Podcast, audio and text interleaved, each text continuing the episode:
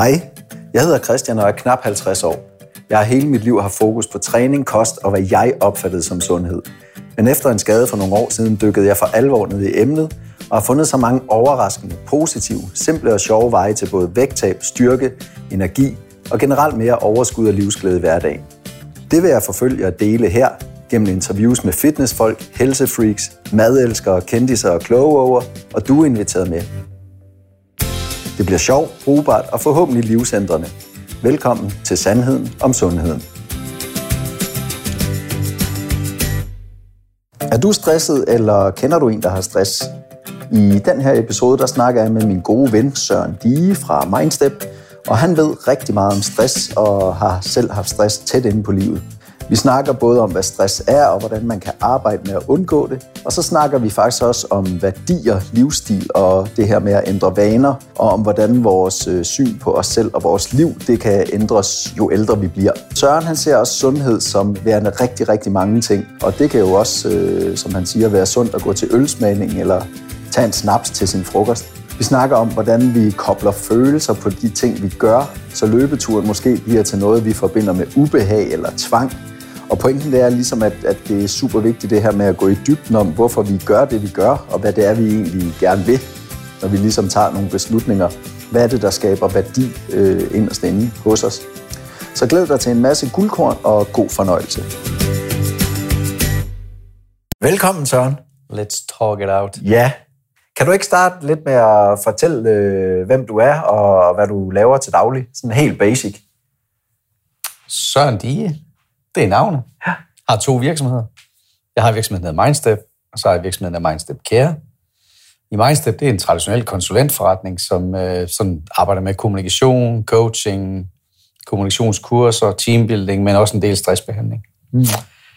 Og Mindstep Care er det sidste nye skud på stammen, som er et års tid gammel, og som er et sundheds- og trivselstilbud til virksomhederne, eller til arbejdsmarkedet, det er både offentlige og private virksomheder, hvor vi ganske enkelt har et et, et væld af forskellige aktiviteter, alt lige fra foredrag til kurser til ugenlige træninger på forskellige hold, øh, som vi stiller til rådighed for, for medarbejderne i, i, på en arbejdsplads, mm.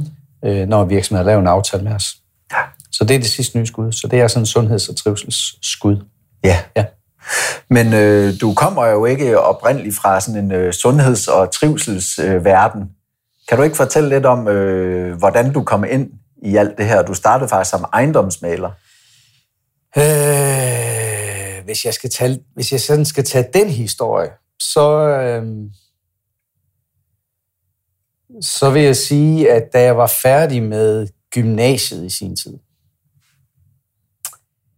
der var jeg som så mange andre, også dengang, det er jo mange år siden efterhånden, ude at rejse, øh, og skulle på en eller anden tidspunkt vælge noget, noget studie.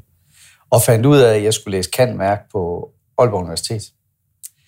Og da jeg havde gået på basisåret i syv måneder, og det eneste, jeg gik op i, det grundlæggende var, hvor meget mad jeg kunne pøse op på tallerkenen over i kantinen, for de 20 kroner, det kostede for dagens ret. Øh, jeg fandt ud af, at det simpelthen ikke var mig. Jeg kunne ikke se, jeg kunne ikke se fem år frem øh, med næsten i en bog. Så øh, blev jeg enig om, at jeg skulle noget andet. Og øh, på det tidspunkt, uden jeg måske egentlig var helt klar over det. Bevidst. Så var jeg alligevel så bevidst omkring valget dengang. Jeg ville gerne ud og lave noget, der havde med salg at gøre. Jeg ville gerne ud og lave noget, der havde med mennesker at gøre. Jeg ville gerne ud og lave noget, som, som gjorde en forskel. Og jeg fandt meget hurtigt ud af, at hvis jeg skulle gøre en forskel, så skulle det være for mennesker. Det skulle ikke være på ting og sager, så at sige. Så der var rigtig meget, eller rigtig mange brancher, jeg havde lyst til at beskæftige mig i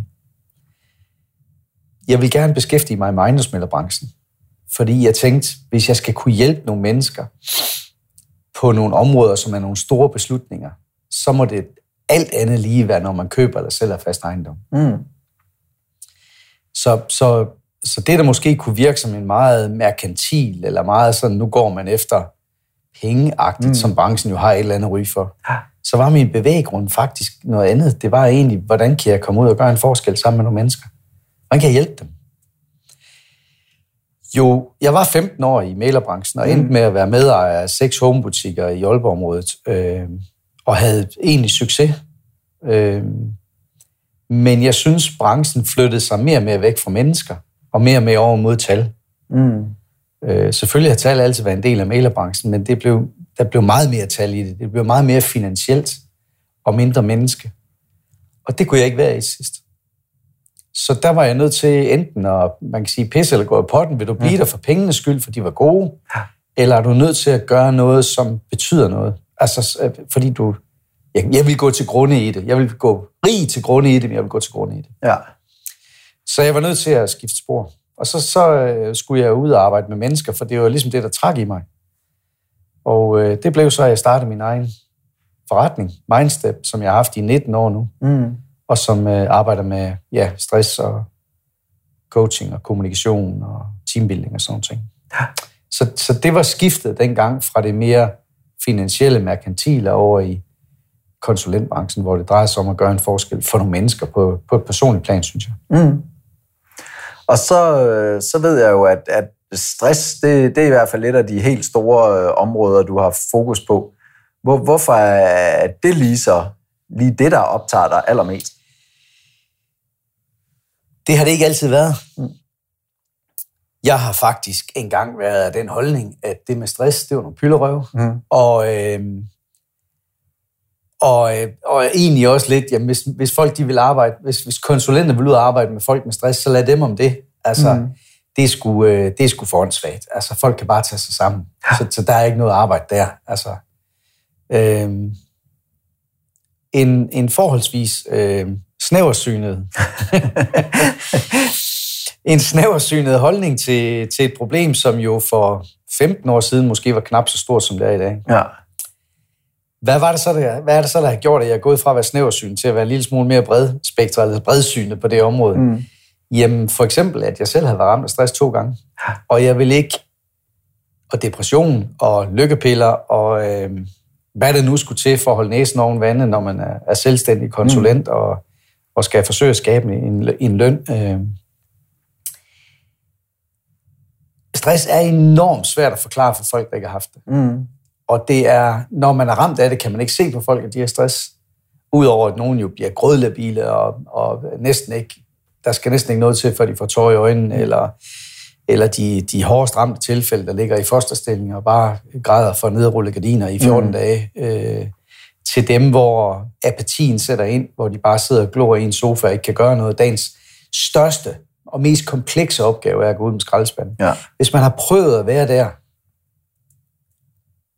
så vil man ikke ønske det for sin værste fjende. Mm. Og, og man forstår først for alvor, hvad det er for noget lort, rent udsagt. Mm. Øh, det, er, det, er, det er svært at forklare folk, der ikke har haft det, hvad det vil sige at være stress. Og stress har, har mange ansigter. Mm. Øh, det, har, det har rigtig mange ansigter. Ja. Så det, øh, der, jeg kan også godt forstå, at det kan være svært at forstå. Jeg kan også godt forstå, at nogen tror, at de har det, hvor de ikke har det. Fordi stress er blevet et, et modeord, eller et ord, vi alle sammen bruger i flink. Børn bruger det. Mm. Uha, nej, jeg bliver for stresset af det. Ja. Ja. Ah, det gør du så nok ikke. Du har nok bare... Og alligevel, når, når, når mennesker bruger ordet stress, så er vi nødt til også at skal... Vi er nok nødt til også lige at skal, skal, skal bemærke, at ordet er blevet brugt, og måske begynde at lægge lidt mærke til, hvordan den person efterfølgende begynder at reagere. Mm. Ja. Men det er, jo, det er jo et relativt stort problem. Jeg kan huske, vi snakkede på et tidspunkt, hvor, hvor, hvor du også satte sat nogle tal på. Altså, det, det er mange, der sygemeldes med stress øh, på daglig basis. Altså, man siger jo, at der, der, man siger jo, der, og det er nogle gamle statistikker, men, men et eller andet sted siger man, at der er omkring 400.000 mennesker, øh, der, der dagligt lider af let, moderat og svær stress. Mm. Mm. 400.000 mennesker, det er mange ud af en arbejdsstyrke ja. i Danmark. Ja. Øh, tallene har også sagt, at der er 30.000, der dagligt bliver sygemeldt med stress. Mm. Det vil sige, at der er så også 30.000 i en anden ende, der kommer ind igen Ja. ja. efter et behandlingsforløb. Øh, men, øh, men det er et, øh, det er et kæmpe, kæmpe, kæmpe problem, Mm. synes jeg. Og jeg vil også sige, at øh, det, er en, det er en samfundsudgift og en samfundsomkostning, både i forhold til det offentlige, der skal betale sygt afpenge. Øh, det er en kæmpe omkostning for pensionsselskaberne, når de skal gå ind og dække, dække tabt arbejdsfortjeneste. Mm. Og det er også en kæmpe, kæmpe, kæmpe udgift for, øh, når vi snakker kroner og øre, for Ja. ja. arbejdspladserne, både de private og de offentlige. Kæmpe udgift, øh, som ikke vi har ikke rigtig fundet ud af, hvordan vi skal håndtere det endnu. Hvordan undgår vi det? Hvordan bliver det normalt håndteret i dag i for eksempel virksomheder og sådan noget? Der er selvfølgelig nogle øh, fyrtårn derude, som jeg synes gør et rigtig godt stykke arbejde ved, ved både via mus-samtale, men også i det daglige ved at have en, en eller anden trivselsmedarbejder, som hele tiden har, har fingeren på pulsen blandt mm. medarbejdere. Men typisk så vil jeg sige, at det bliver ikke håndteret. Klassisk er, at det bliver ikke håndteret. Det bliver, øh, man lægger jo ikke mærke til, at det, det er det interessante, er, hvis man går 30 medarbejdere op ad hinanden dagligt i et storrumskontor, så lægger man måske mærke til, at en begynder at få en, en kort lunde, mm. eller glemmer ting, eller øh, bliver, ja, krødlen bliver hissig, eller øh, mangler overblik, kommer til at spørge om for mange ting hele tiden. Men, men, men, men hvis det sker flere dage i træk, så bliver det jo også en vane. Så derfor er det tit og ofte, man ikke lægger mærke til forandringerne. Før en medarbejder lige pludselig kommer og siger, nu kan jeg ikke mere. Ja. Eller vedkommende rent faktisk bare ligger derhjemme en dag og ikke kan komme ud af sengen. Øh, og så står 29 andre på kontoret og siger, det har vi slet ikke set komme. Mm. Nej, det havde I måske ikke, men, mm. og det kan jeg godt forstå, fordi det, der er et af menneskets allerstørste styrker, det er, det er evnen til at tilpasse os. Så det vil sige, det, hvis du ændrer adfærd fra mm. den ene dag til den anden, så vil jeg ikke mærke til det den dag, men dagen efter, der vil det blive mere vane, der vil tilpasse ja, os ja. i en ny måde at være på. Og, så, så derfor bliver det, typisk, bliver det typisk ikke håndteret. Det vil mm. sige, at der er jo en kæmpe branche som min, som har rigtig meget at lave, fordi at det, det ikke bliver håndteret. Ja. Og et eller andet sted, så er vi jo grundlæggende sat i verden for at gøre os selv arbejdsløs. Mm. Det vil sige, sørge for, at det ikke sker. Ja. Det er jo det, der... Vi skal have stoppet snebolden, før den så at sige øh, bliver, bliver alt for stor. Ikke? Ja. Øhm. Hvad er det, der er altså galt, eller hvad er det, der er sket i vores samfund, siden at alle de her stresstilfælde bliver større og større? Eller flere og flere? Det er jo tusind kroner spørgsmål. Fordi stress er jo en subjektiv. Altså det, der stresser den ene, stresser ikke den anden. Mm. Så det er, en, det er en subjektiv tilstand, det er en subjektiv oplevelse. Øhm, så jeg synes, det er svært at pege på én enkelt ting. Øh, jeg tror, der er rigtig, rigtig mange faktorer i spil. Mm. Men hvis vi kigger på stress som, som en tilstand, så er det en overbelastning. Det er en overbelastning af vores sanser, som man kan sige, inputtet på sanserne har gjort, at vi har, vi har tolke det som værende fare. Mm. Fordi en, en stresstilstand, eller stress, øh, positiv stress i kroppen, hvis man kan sige det på den måde, det er jo der, hvor ens kamp-flugtsystem den sætter ind. Det vil sige, at der er en fare udenfor, som vi skal forholde os til. Og så bliver vi pumpet med noget adrenalin og noget kortisol, som gør os i stand til både at, at kæmpe og, og, og hvad det nu skal være, ikke? Mm.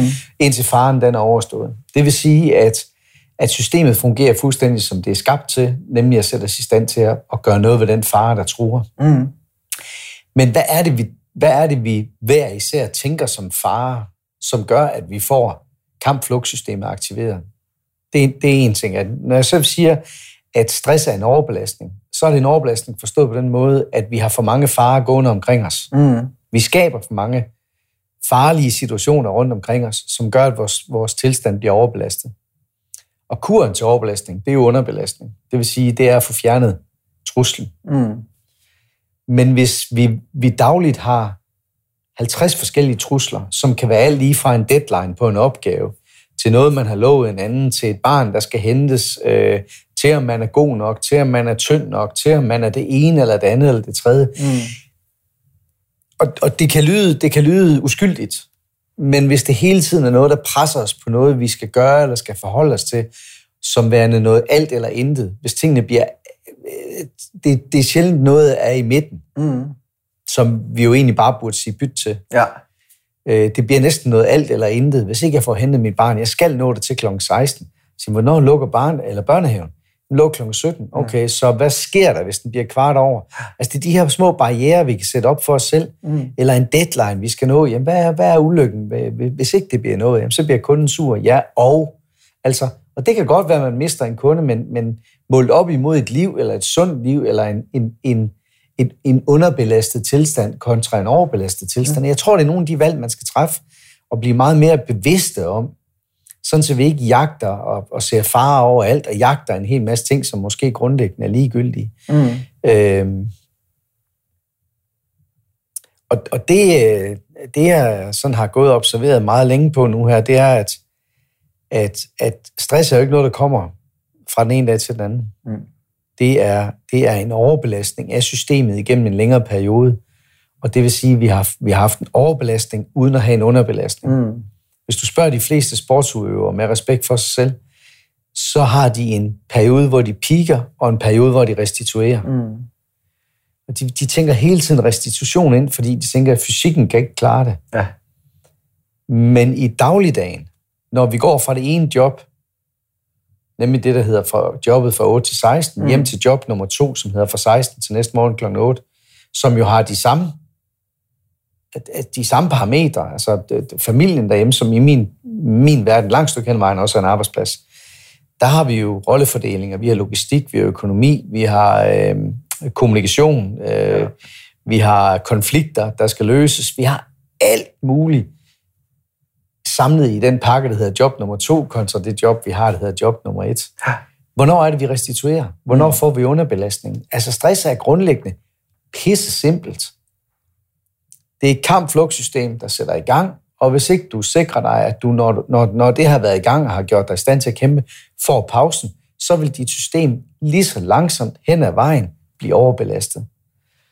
Og det vil sige, at, at, øh, at niveauet af kortisol og niveauet af adrenalin i kroppen øh, stiger, stiger, stiger, stiger, stiger. Mm.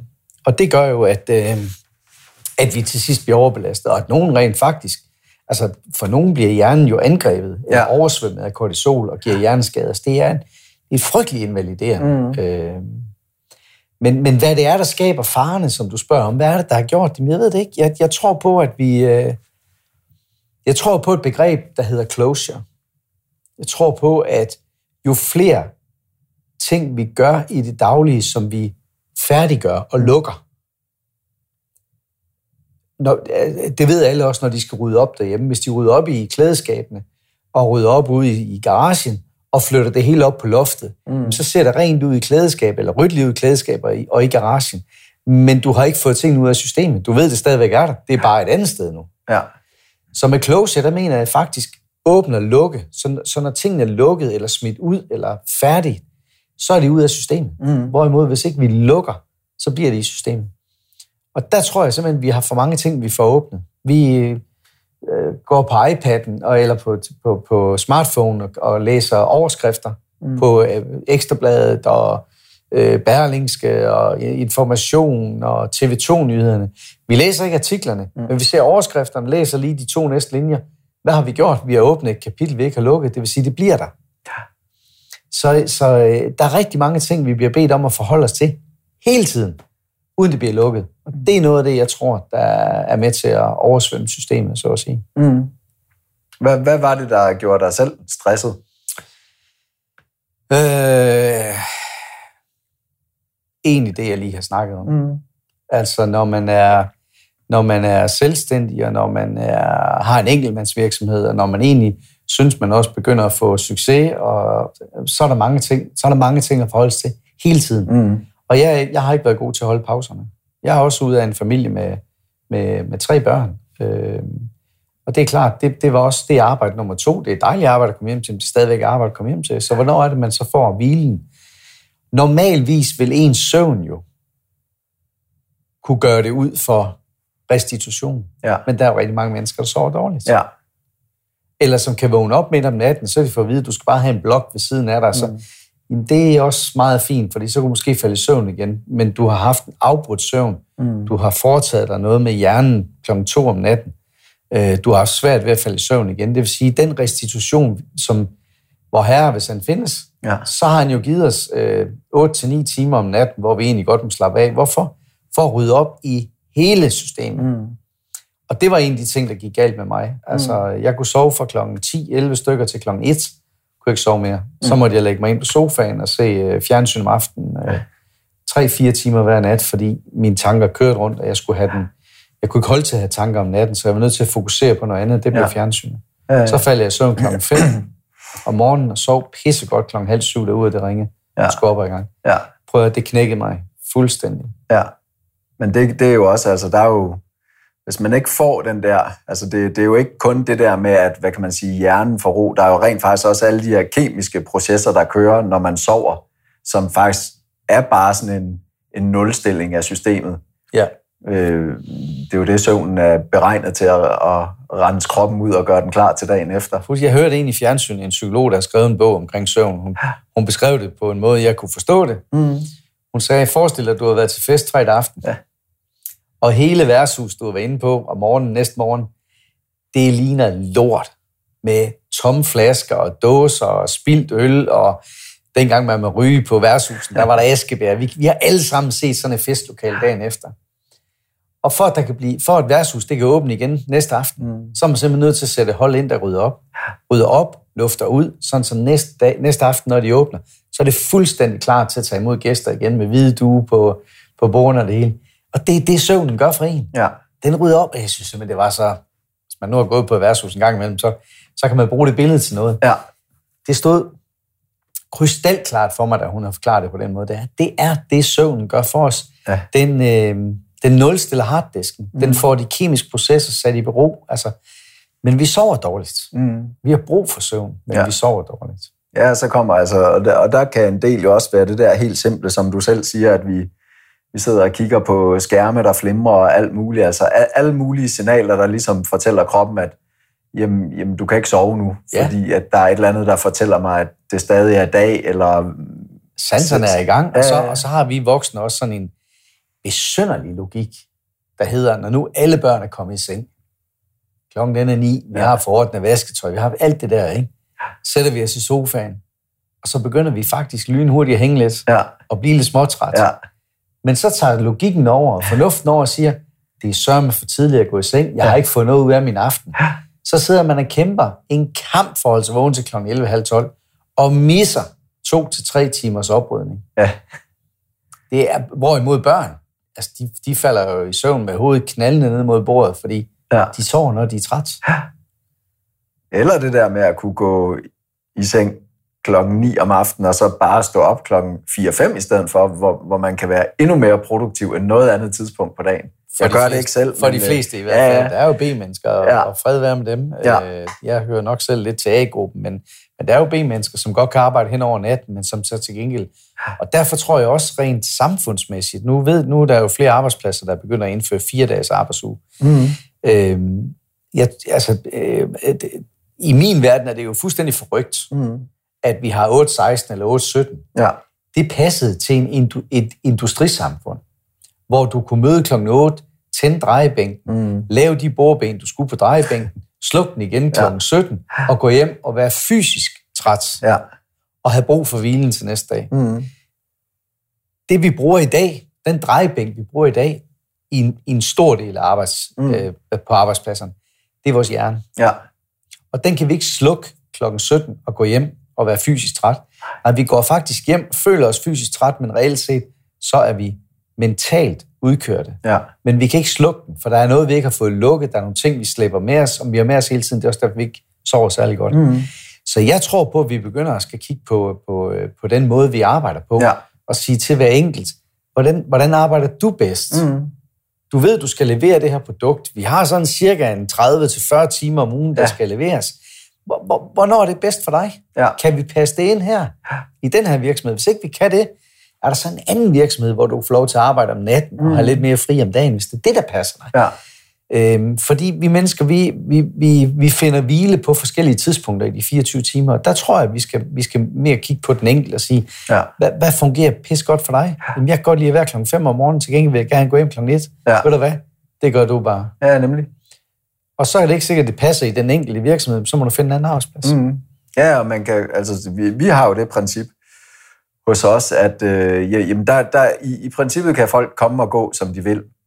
Og jeg hænger mig ikke i, øh, jeg, jeg går aldrig og, og, og tæller timer, eller hvor lang tid har du været her i dag. Der er jo nogle mønstre, man kan se over en længere periode, og det eneste, der er vigtigt for mig, det er jo i bund og grund, for vi lavet det arbejde, vi ligesom skal have lavet. Ja. Men om folk, de, øh, de har det bedst med at, at der er ro, fordi alle de andre går hjem, og så kan de sidde og koncentrere sig og, og gå i dybden med nogle ting om aftenen, hvis det er det, der passer ind i deres liv, hvis Ja. de ikke har børn, og der ikke står en øh, kone derhjemme og, og råber og skriger, jamen så er det fint. Ja. Øhm, så, så jeg, jeg synes, det er super vigtigt, det der med, at man tilpasser. Også fordi vi i dag, der er der hele den her med, at, at vi jo vi jo ikke øh, på arbejde og privat. Vi er også på arbejde, når vi er privat, og vi er også privat, når vi er på arbejde. Fuldstændig. Og det skal man jo bare øh, se som præmissen, og derfor skal man jo ikke være bange for at sige, øh, jeg, jeg kan, eller når folk spørger mig her på arbejde, er det i orden, jeg lige, øh, jeg skal ned og hente en pakke på posthuset, eller Ja. andet, hvor, hvor jeg sådan, øh, ja, hvorfor, hvorfor skulle det? Nå, men det er fordi, det er jo i arbejdstid. Ja. Ja, men du har også lavet et øh, Facebook-opslag øh, på baggrund af firmaet i, i går aftes klokken et eller andet. Ja, Altså, det spurgte du ikke om. nej, det styrer du helt selv, det der. Jeg hørte faktisk i øh, går eller i forgårs, tror jeg det var, at øh, Michael, ej, hvad han hedder, Torborg, hvad han hedder ham? Torborg. Martin Thorborg. Martin Torborg. Ja. I det her nye firma, han har, hvad det så end er, de laver, jeg tror, det er en revision. Det er også ligegyldigt. De har ingen arbejdstider. Mm. De har ingen ferie. De har ingen, øh, øh, du må komme og gå, som det passer dig. Mm. Øh, de har kun en tavle med opgaver Ja. og deadlines. Ja, That's it. ja, Og han siger, at de har aldrig misset en deadline. Og øh, nogle medarbejdere, han kan komme forbi kontoret klokken 2 om natten, så sidder der fem medarbejdere og Mhm. arbejder. Prøv at,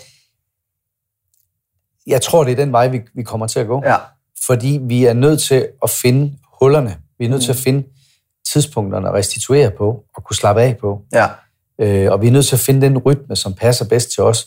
Fordi vi ikke er et industrisamfund i samme, samme grad mere, mm. jamen, så er der ikke behov for, at vi lukker klokken 5 og går hjem og restituerer. Hvis du restituerer bedst fra klokken 8 til klokken 14 og arbejder derefter, mm. så det du skal, ja, du skal bare sikre dig, at du også får nogle pauser. Ja. Det, det er det alfa og omega i det her. ja. Ja, fordi jeg, jeg tror faktisk også, hvis man... Altså, det, det er jo udelukkende, fordi man som arbejdsgiver har frygten, at når, hvad nu hvis folk udnytter det? Men den er jo ikke længere, end at hvis folk udnytter det, så har de jo ikke forstået præmissen. Og det vil meget hurtigt komme til syne, at øh, hov, du passer jo i princippet ikke dit arbejde. Ja, Fordi virksomheden løber ikke rundt, fordi du holder virkelig meget pause hele tiden. ja og du leverer ikke, eller din Ja. deadlines bliver over. Altså, prøv at, jeg er ligeglad med, hvornår du laver det. Ja. Bare, bare du så for at få det lavet. Og hvis man giver helt frihed under ansvar, så vil folk jo også kigge på hinanden og sige, ja. hvor, hvordan performer jeg i det her team? Og det skal så siges, der er så til gengæld også nogle mennesker, som har enormt brug for rammer. Mm-hmm. Altså øh, på et tidspunkt ansatte jeg en administrativ medarbejder, og så spørger hun mig, øh, hvornår skal jeg møde? Mm. vi har jo ingen åbningstider. Nej. så, så hvis du har noget, du lige skal om morgenen, så gør du det, og så Ja. går du hjem. Sådan, giver det til 37 timer om ugen, så er det jo fint. Ja. Det er jo det, du er ansat til. Ja. Så kommer hun næste tre uger, det kan hun ikke arbejde med. Nej. Hun skulle vide, hvornår hun kom, og hvornår hun gik. Fint, så havde jeg fra 8 til 16, der sagde. Så Ja. ja. var hun der. En anden ting, som jeg... Nu spurgte du ind til det her med, med hvad der har skabt øh, stress, mm. eller hvad der skaber stress. Noget andet, jeg egentlig også har tænkt rigtig, rigtig meget over, det er alle de her år, hvor forandringsledelse, det har, de vinde, de har blæst ind over landet Ja. Og hvor vi, vi hylder princippet om, at vi knækker ikke i modvind, vi bøjer bare, og vi skal kunne, vi skal kunne sætte øh, en vindmølle op og ikke et læsejl, og hvad fanden det nu ellers hedder, at vi skal kunne klare forandringer. Og er der noget, vi er sikre på, så er det, at dagen i morgen ikke er det samme som dagen i dag, og øh, kunderne kommer altid til at efterspørge noget nyt, og hvis ikke vi udvikler os, så kommer der nogen, der overhaler os. Prøv at det har vi, det har vi hørt de sidste 20 år. Ja. Og der er bare rigtig mange mennesker, nej, for at sige alle mennesker, har brug for vaner og rutiner. Mm. Og hvis de, de fleste mennesker, de kan godt kigge sig selv i spejlet og sige, okay, så, så, så i de sidste år har verden forandret sig meget. Ja, det har den. Okay. Hvis du kigger på det, du laver i dag, kontra det, du laver for præcis et år siden, hvor meget af det er så det samme? Mm. Det er måske 75 procent. Men hvad har du haft fokus på? Hvad har virksomheden haft fokus på? Jamen, det er de 25. Mm. Mm. Så der tror jeg, at vi, skal, vi meget mere skal til at vende retorikken og begynde at tale ind i vanerne. For mm. vi har brug for vaner, vi har brug for rutiner. Vi går fuldstændig kolde, hvis, hvis vi hele tiden fokuserer på forandringerne. Og glemmer at se på det, som altid har været, som det er. Mm. Den generelle tryghed. tryghed er et kæmpe behov for os mennesker. Øh, på mange forskellige planer, afhængig af, hvor vi, hen vi bor på kloden selvfølgelig. Mm. Men grundlæggende set, så har vi brug for tryghed. Og, og vaner, det er trygt, fordi det bruger vi ikke energi på. Mm. Men hvis vores fokus hele tiden bliver rettet hen imod forandringen, så glemmer vi at se på de 75 procent, ja. der er, som det altid har været, det fundamentet, vi står på. Og lige så føles fundamentet usikkert, fordi vi kun har fokus på forandring. Mm. Jeg tror meget mere på, at vi skal tale ind i vanerne og, og hylde vanerne, hylde rutinerne. Mm. Ikke til noget, der bliver kedeligt. Altså, der er også dårlige vaner. Mm. Men, men simpelthen begynde at kigge på, jamen, hvad, er det, hvad er det, jeg bare er stærk i? Hvad er det, jeg altid har været god til? Hvad er det, jeg stadigvæk gør, som jeg godt kan lide? Altså, sådan, at vi ikke hele tiden har forandring, ja. som, som, øh, som det, vi sætter op på en pedestal, for det ødelægger mange mennesker, tror jeg. Mm. Og, og vi skal snakke rigtig meget mere om, om vaner og forandring og sådan noget, men, men mere i forhold til sådan livsstil. Øh, men jeg kunne godt tænke mig at runde det her stress af med, eller det er ikke sikkert, at vi lige runder det af, det kan også være, at vi åbner et helt nyt kapitel nu, men det her med, hvordan spotter man stress, og hvad gør man ved det? Ja. Yeah. Der er både fysiske, øh, psykiske og sociale kendetegn ved stress. Mm. Øhm, de fysiske, det kan jo være smerter alle mulige forskellige steder, eller spændinger i kroppen, øh, ondt i nakken, ondt i hovedet, ondt i maven. Øh, det er sådan de typiske fysiske tegn. Mm. Øh, det kan være, at man, har, man, har, man udvikler en allergi, eller har en allergi, der blusser op. Mm. Og der, der er sådan nogle ting. Det mentale, det er jo humøret, og fokusering, evnen til at fokusere, evnen til at kapere, evnen til at læse stof og forstå det. Mm. Øhm, øhm, ens, ens reaktionsmønstre over for andre, øhm, og man lige pludselig bliver kortlundet, for eksempel. Mm. Øhm, ja, evnen til at have mange bolde i luften på samme tid. Øhm, mange kan godt have den, men, men det bliver bare bold, der svæver uden at lande, og man ved ikke, hvad for en man skal gribe. Og, mm. og, så, så der er sådan rigtig mange kendetegn, som er ja, grødlabil. Altså rigtig, rigtig, rigtig mange forskellige kendetegn. Og så skal man jo også passe på med, at bare fordi man er ondt i nakken, så er det ikke ens med, at man er stresset. Nej, eller nej. bare fordi man får en tår i øjet, fordi en har fortalt en historie, så er det ikke ens med, at, at man er stresset. Så, så det er sådan en afvejning hele tiden, og det er ja. pisse svært. Ja. Og igen, for vi snakker om det her med at tilpasse sig at vi tilpasser os hinanden på en mm. arbejdsplads, men man tilpasser også sig selv. Så det, der gjorde ondt i går, mm. det går knap så ondt i dag. Ja. Fordi nu har jeg vendt mig til det. Plus, øh, vi er så snedigt indrettet, at, at når, øh, det har jo sikret vores overlevelse, det her kamp-flugt-system, mm. at vi er så snedigt indrettet, at når adrenalin og kortison og andre stresshormoner, de pumper i kroppen, så bliver vores kognitive evner nedsat. Fordi den tiger, der står foran mig, mm. skal jeg jo ikke snakke med. Jeg skal jo kæmpe eller flygte. Ja.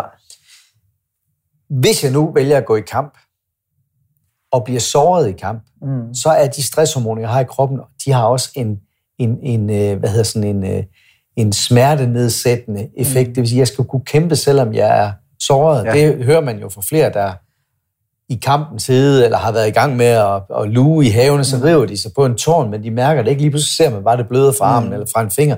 Man har ikke mærket det. Øh, så, så vi har også evnen til at dulme smerter, når, vi, når stressen kører. Det vil mm. sige, det som, det som gør ondt, mærker vi måske knap så meget. Så derfor er det, det, er, det er jo sådan en, øh, sådan en træls blind passager her med stressen, fordi ja. den er svær. Vi vender os til tingene, vi mærker ikke altid det, vi skal, og lige pludselig, så kan vi ikke mere. Mm. Hvordan behandler man stress? Det er delen bank med os øh, et vidt begreb. Jeg vil dog sige, at set fra mit synspunkt, så er, så er det en udbredt misforståelse at sende stressede mennesker til psykolog. Mm. Som det første.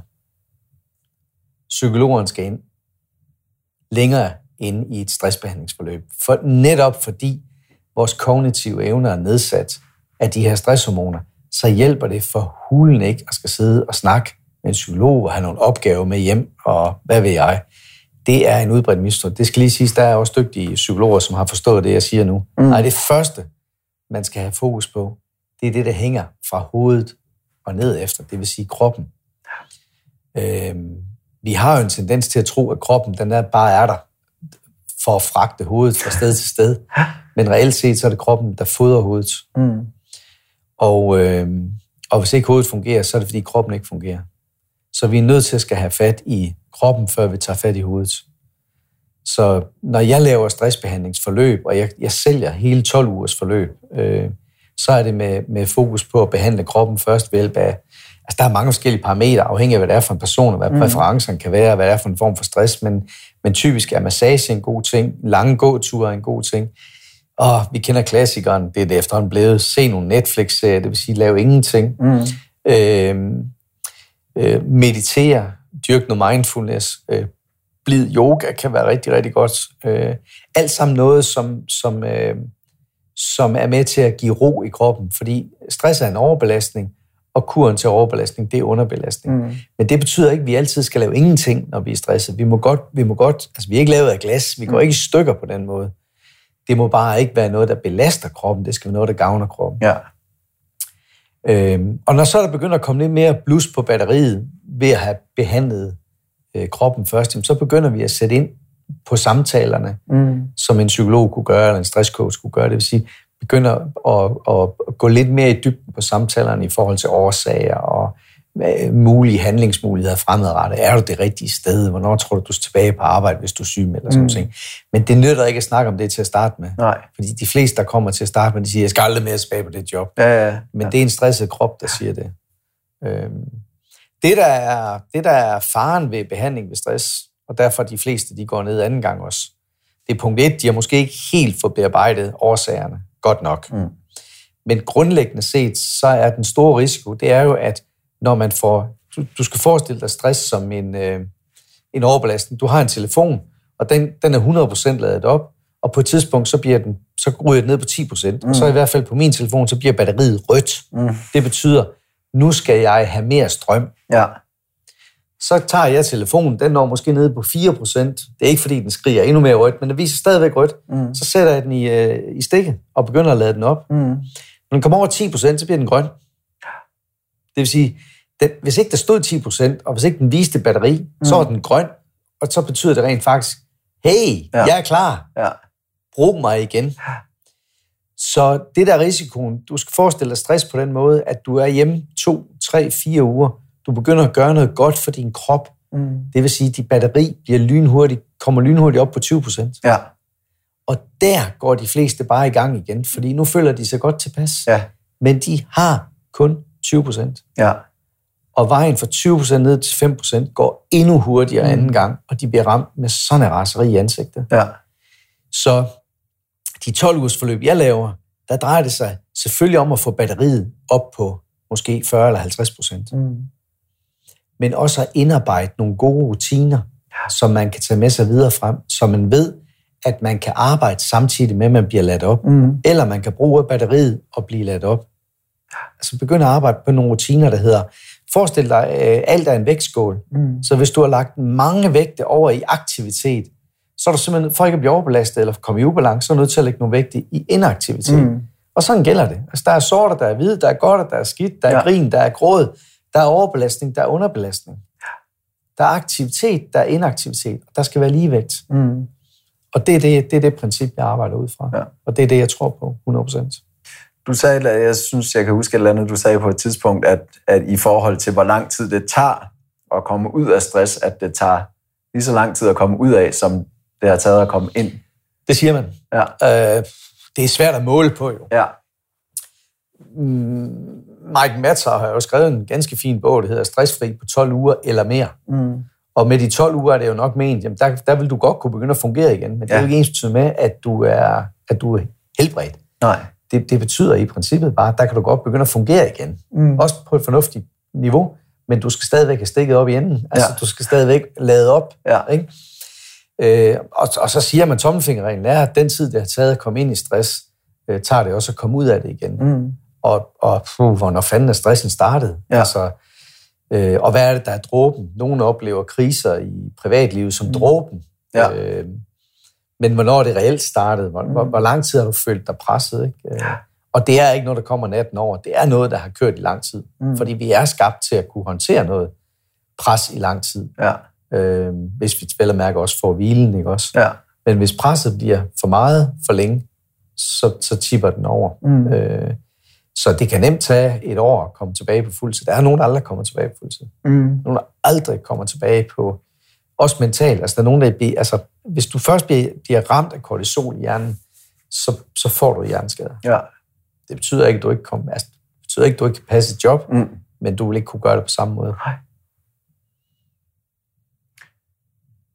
Hvad var det, jeg tænkte på her til sidst? Øh, jo, øh, hvor, hvor mange sådan... Øh, er, er det dig, man tager fat i? Altså er det Mindstep øh, og dig, der kører de her stressforløb, eller hvordan? Det er Mindstep. Ja, Og jeg, har, jeg kører mange af dem, men jeg har også nogle, øh, der, der er med ind over på det. ja, Psykologer også. ja. Cool. Så det kan man finde inde på hjemmesiden. Det kan man nemlig på blåstue, mindstep.dk, ikke? Hed det? Nej, men altså, hvad, logoet på Mindstep Care er jo grønt, Ja, så det kalder jeg grøn stue. Ja. Og det andet, det er blåt, okay. så det er blå stue. Ja, og så er der nogle erhvervsledere, der aldrig ringer til mig, fordi jeg siger det. ja. Nej, men det er egentlig bare for at visualisere, at der, der er to forretninger, ikke Ja. også?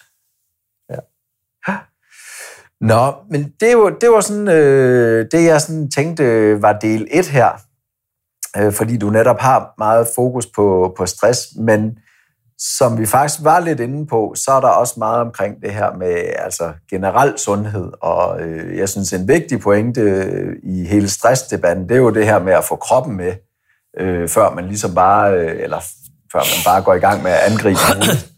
Så den her øh, generelle sundhed, den, den, den er jo selvfølgelig interesseret i at, at finde ud af en hel masse omkring. Og, og grunden til, at jeg tænkte, at det kunne være fedt at snakke med dig i dag også, det er jo fordi, at når man selv oplever det her med life is a trap, Mm. lige pludselig finder man ud af, fuck, der er nogen, der har snydt mig. Mm. Øh, jeg er blevet gammel, og jeg har taget alt for mange kilo på, og, øh, og nu skal der ske et eller andet. Mm. Øhm, nu har jeg jo meget fokus på, på for eksempel vægttab, men det bliver meget mere øh, livsværdi generelt. Men fra det her med lige pludselig at sige, nu skal jeg løbe en maraton, eller nu skal jeg dit, nu skal jeg dat, nu skal Mm. jeg gøre et eller andet vildt. Øhm, kan du se sådan nogle bagvedliggende mønstre eller forhold, der gør, at, at hvad, hvad er det, der gør, at, at man kommer til et eller andet punkt, hvor man siger, hvad skal jeg med mit liv? Mm. På sundhedsniveau, altså inden for sundhed, fordi hvad skal jeg med mit liv, det er jo mange ting. Ja, men, men det er jo måske netop det her, fordi Mm. mm. at, at som jeg ser det, så kan det her med, med et fokus på vægttab, eller fokus på noget, man gerne vil, om det så er en øh, stor øh, rejse, eller, Mm. mm. øh, eller løbe den her maraton, mm. eller øh, stille sig Mm. op og tale i en stor forsamling, whatever. Øhm, det kan jo tit være, at der, det er noget helt andet, Mm. der ligesom ligger til grund for det der. Mm. Men at man tager et fokus, som hedder, nu er jeg i hvert fald nødt til at gøre et eller andet. Jeg kan mærke, der er et eller andet mm. I min krop, der gør, at nu skal jeg ud, nu skal der ske noget andet. Ja.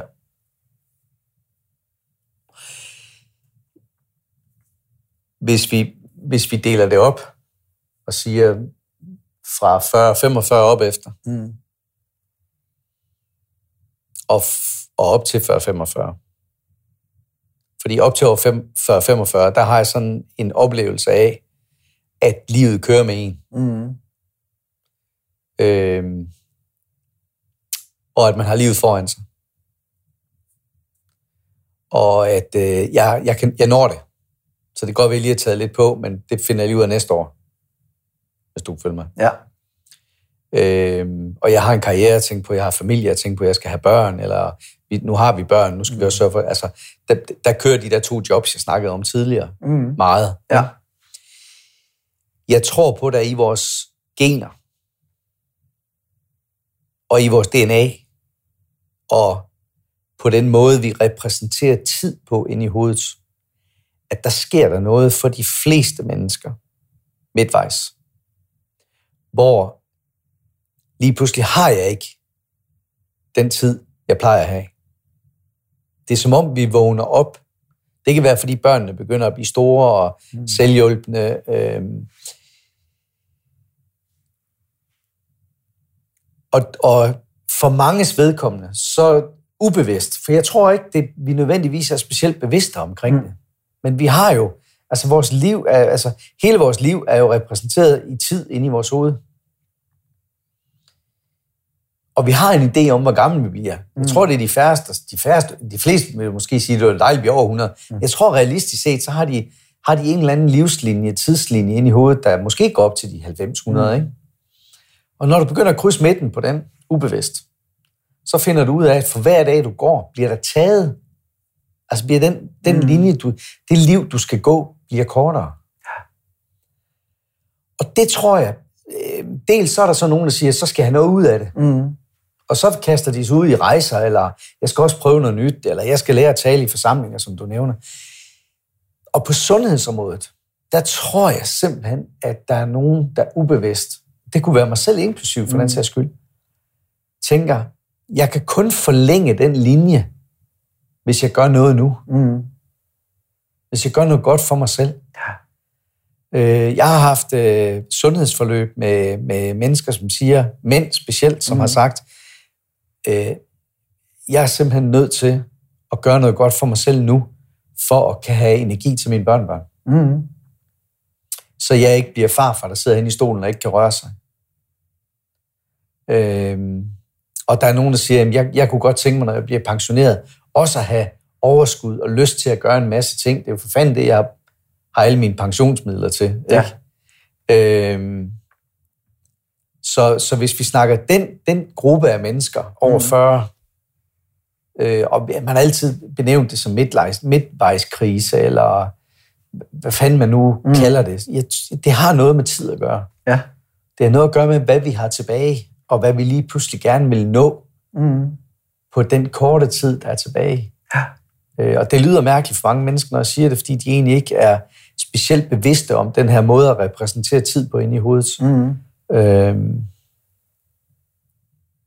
men, men tid gør meget ved os. Ja. Øhm. Men, men jeg synes jo, det er interessant, det du siger, at, at det netop er det her... Øhm og det er jo det, jeg, jeg kan være lidt i tvivl om, om hvorvidt man er bevidst om det her med, at det i virkeligheden betyder, eller at det, det der i virkeligheden øh, har værdien, det er netop det der med, jamen, jamen, jeg må jo sikre mig at kunne leve et så langt og godt liv som muligt. Men hvad er et langt og godt liv?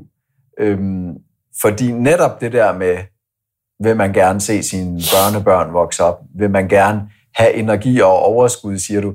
Det, det er ting, som man måske ikke nødvendigvis kobler. Man kan bare mærke, okay, nu skal jeg gøre noget ja, ja. for mig selv. Ja. Øh, så derfor øh, altså, melder jeg mig ind i fitnesscenter. Prøv at, hvis vi lige glemmer stress, mm. som vi har talt om, ikke? Jamen, ja. så er der også mennesker, der ikke er stresset. Gudskelov, rigtig, rigtig, rigtig mange. Ja. De mærker jo smerten. Ja.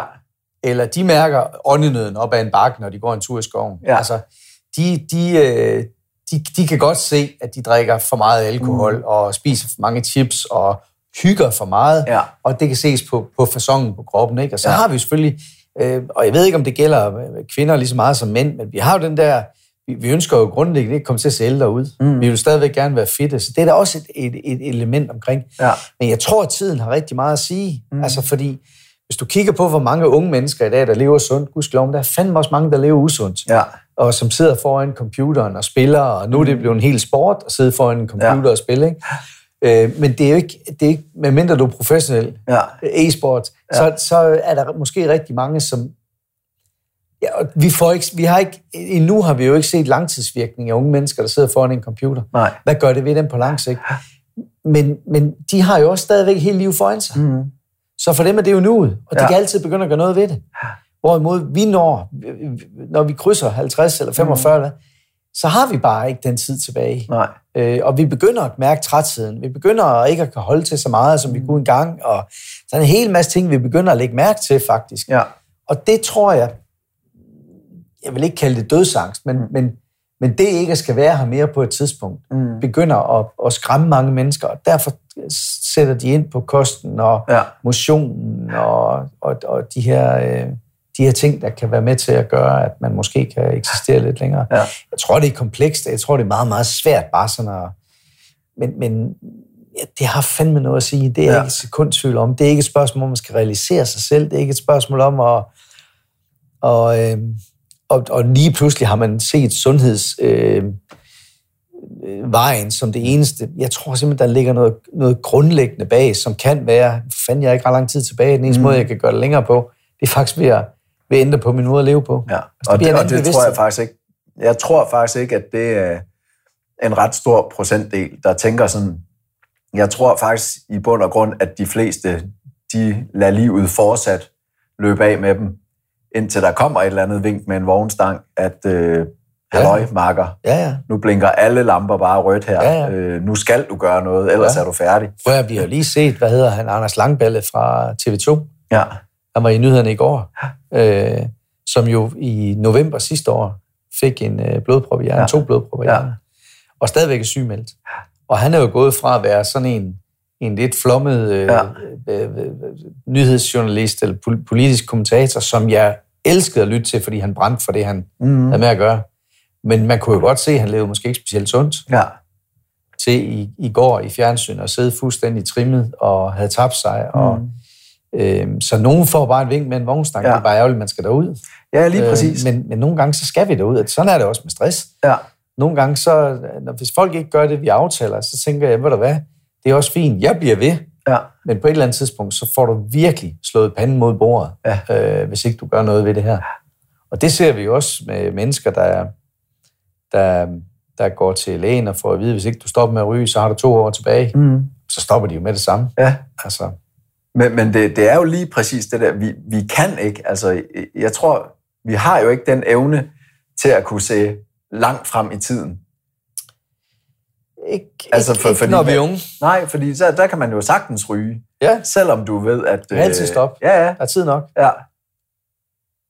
Jeg, jeg tror, det, det, det er meget spændende det der med den der tidslinje, hvor man ligesom placerer sig selv, og så hvis, hvis man arbejder med det, kan man jo netop sige, Nå, hvordan sikrer du sig der ja. så? Øh, ja. Hvad er din strategi for at nå så langt som muligt? Og så er der jo folk, der vil bruge undskyldning, jamen, jamen jeg kan også blive kørt ned af en bus i morgen, så det er jo fuldstændig lige meget, om jeg ryger eller drikker eller jamen, spiser flødelavkager hver dag. Ja, ja. Fair nok. Ja. Det er ikke så helt det. Ja. Men, men noget af det, jeg godt kunne tænke mig at, at, at snakke lidt om, det er det her med, hvordan man så, øh, hvordan man kommer hele vejen rundt øh, for at finde ud af, hvor er det egentlig, man selv har et behov for at gøre noget. Fordi jeg tror i hvert fald, eller jeg har en fornemmelse af, når, når det handler om, om ens egen sundhed, så er det jo tit de der synlige tegn. Altså hvis vi begynder at, at kunne se, at, at vi får mave, eller øh, vores tænder begynder at falde ud, eller vores hår falder af, alle mulige ting, som er jo fysiske tegn på et eller andet, en ubalance i kroppen, mm. øhm, så, så er det jo helt oplagt, at man ligesom siger, Nå, så skal jeg gøre noget ved den her ubalance. Så skal jeg tabe mig.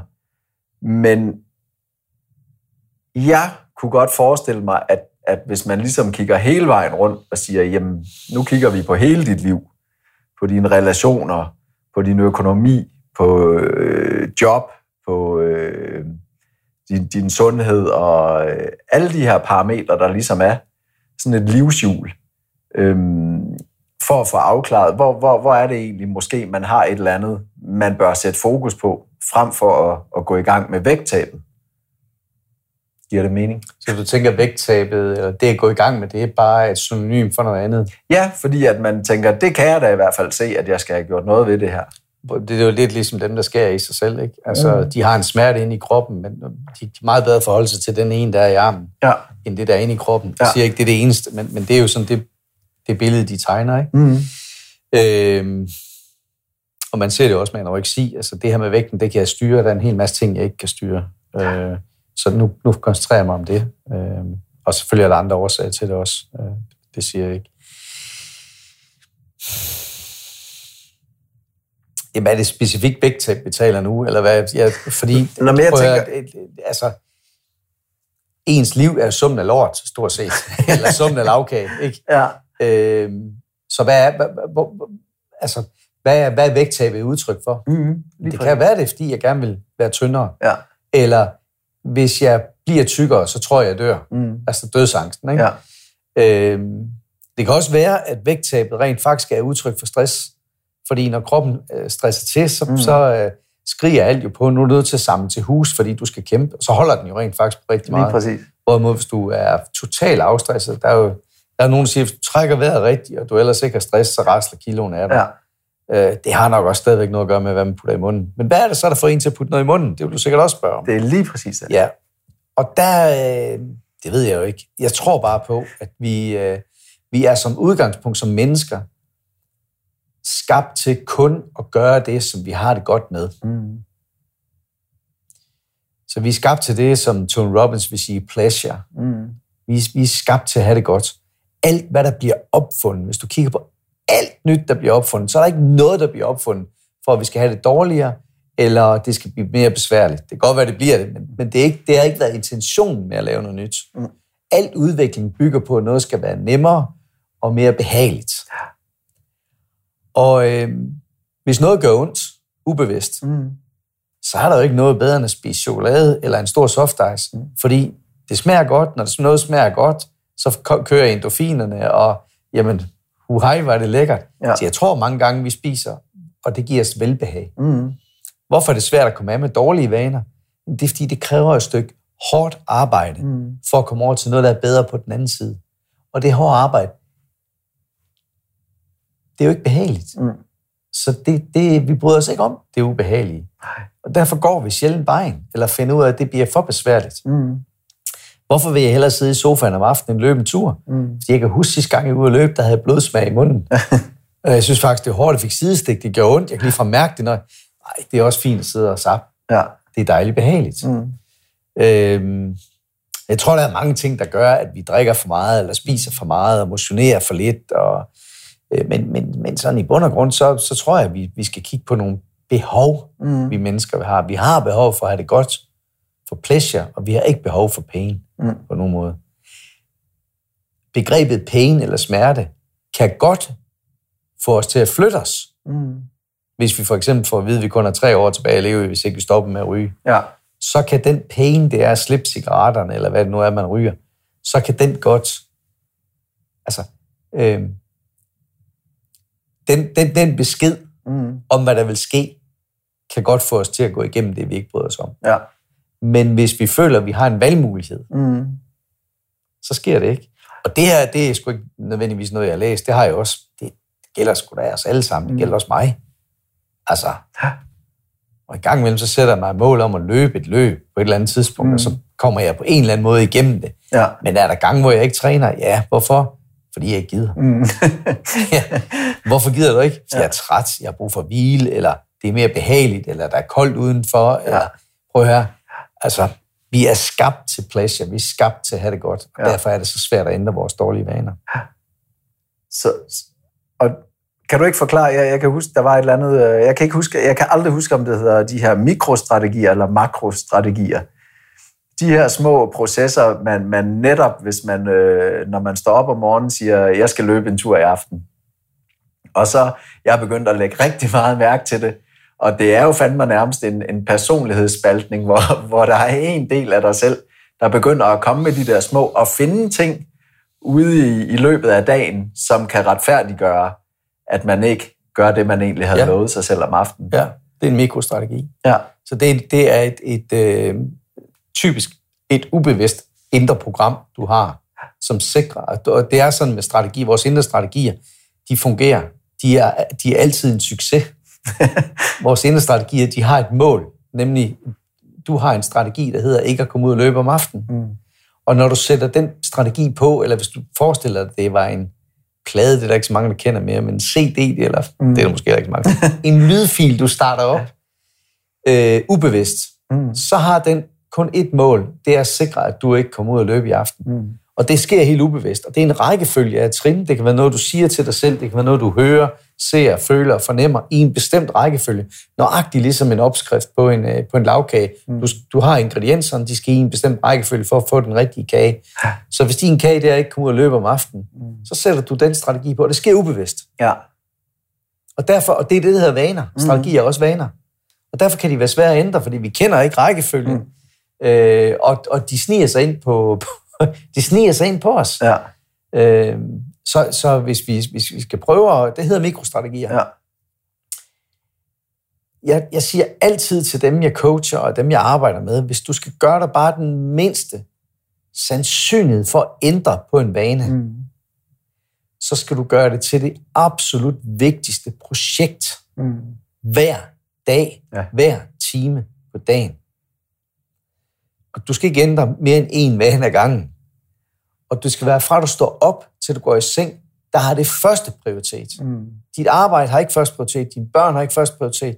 Hver gang arbejdet spørger om noget, børnene spørger om noget, skal du først tænke, passer det ind i min strategi, eller ikke strategi, passer det ind i mit ønske? Mm. Passer det ind i mit ønske, om at vil ændre den her vane? Ja. Det nye, jeg vil nu.